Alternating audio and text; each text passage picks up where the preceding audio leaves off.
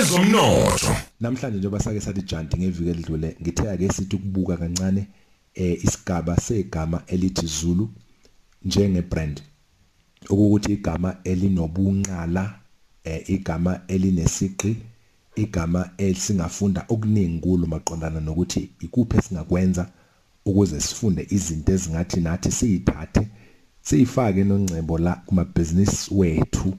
Eh sisebenzise ubumqoka leli gama nokuthi eh lakheka kanjani ngoba konke lokho esikubona kulo kuyinto ekwaziyo ukuthi uyithathe uyifake ngisho ebusinessini lakho lakheke ibhizinisi ligcine selinesiqi esikhulu nesihlonishwayo.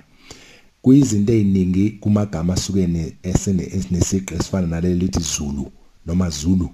Eh kumele siqonde ukuthi eh asuke akhiwe phekwe isekele ezithile agcine sethandwa ngabantu kugcine sekuthi nje igama owaziyo ukuthi ngeke kwazi ukuphila ngapha ngapha ngaphandle kwalo. Sibonile ukuthi nangesikhathi eh soku eh khothama sika nomthebe wethu kube khona eh ukuthi leli gama inhlonipho yalivele ngisho nakwinhlangano yezizwe iningizimu Afrika yonke nomhlaba wonke nje jikelele okutshengisa ukuthi igama leli osakhiwo salo sikhulu kakhulu ongakwazi ukuthi noma esingakwazi ukuthi sifunde kakhulu kulo ukuthi ngisho amabhizinisi wethu siwakha kanjani eh noncebo engifisa ukusho nje mhlawumbe ngicabanga ukuthi abalaleli bayakwazi bayaqonda ukuthi eh cishe kubantu abasekhulini aba amashumi amabili nanhlanu la eNingizimu Afrika abakhuluma isiZulu bese kuthi uhalf wabantu baseNingizimu Afrika iyonkana yize abanye bengesikhuluma isiZulu kodwa bayasiqonda isiZulu. Kusho ukuthi uma ukhuluma ulimi lwesiZulu yinto abantu abayakwazi ukuthi bayiqonde.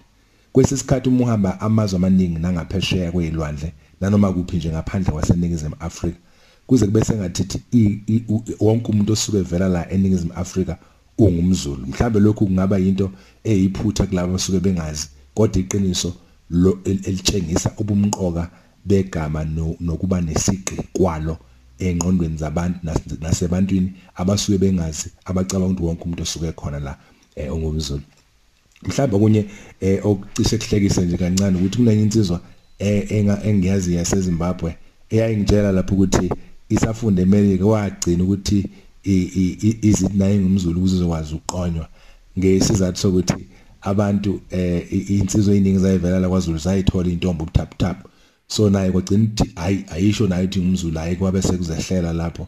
Eh sibonile enye insizwe ibijuluka eh eyibutho lapho ukuthi kwenzakalani kuyo kuma nje makujuluka ibutho likaZulu.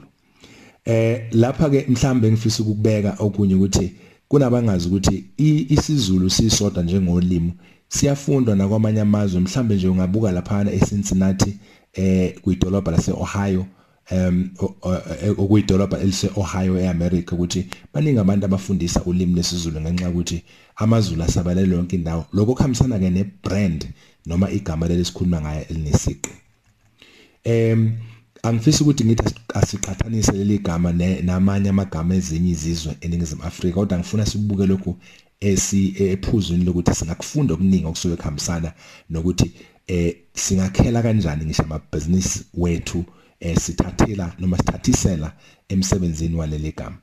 Ungabuka nje igama elithi Mandela kwesisikhathi umuntu uzothi hayi siqhathanisa into engaqhathaniseki la noma engahambelani. Cha zihambelana.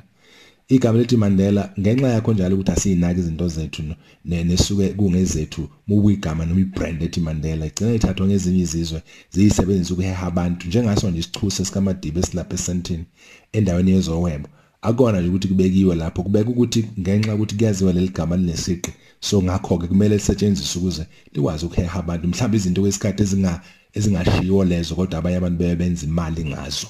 Qiniso likhona nalo leli gama lakithi esinalo kuyifa lokhokho bethu lithi Zulu linamandla amakhulu kabi futhi lihloniphekile. Lingakwazi ukuthi nxa silisebenzisa sikwazi ngempela ukwakha umnotho futhi silithathe kube ngelethu ngoba abantu banye bangaphandle balithatha balisebenzise balisebenzise eh ukuze bazicebise ngalo bakhe izinto eziningi ngalo eh kodwa uthola ukuthi thina abantu eh bomtsinsi wokuyimilela thina abantu bomdabu thina amaAfrika cha asikwazi ukuthi silisebenzise ngoba mhlambe asilinakile. Sengigcina intatha izinto ezibalekile ekwakheni igama elizenzile ibrand enamandla. Isethembiso esiqukethwe ilelo gama. Okwesibili umumo wegama ukubeka ezingeni lelo gama nokuthi yini eyenza lizimele futhi libe namandla. Okugcina engicabanga ukuthi singakufunda ukuzakhela amagama ethu namabhizinisi wethu azokwazi ukuma ebe efunda kuleli ligama ukusebenza kwegama lelo ngendlela okuhleleke ngayo ukuze liveze lokho elakhelwe khona. So likwazi kuba litshengise ukuthi ukwakhiwa kwalo kwakhelwe ukuthi kufeze isithembiso esithile. Siyatholakala ku-amandla omnotho.co.za nakwinombolo yethu ye-whatsapp 0822 52217 namhlanje ke sinayo eh, inkomfa yethu evirtual ekuyizoom. Abalaleli abangathumela kuyo le nombolo ethi 0822 ukuze bayi attend mahala ithi iyoqala ngo11 o'clock khona namhlanje ngolesibili iziphele ngo1 o'clock simeme.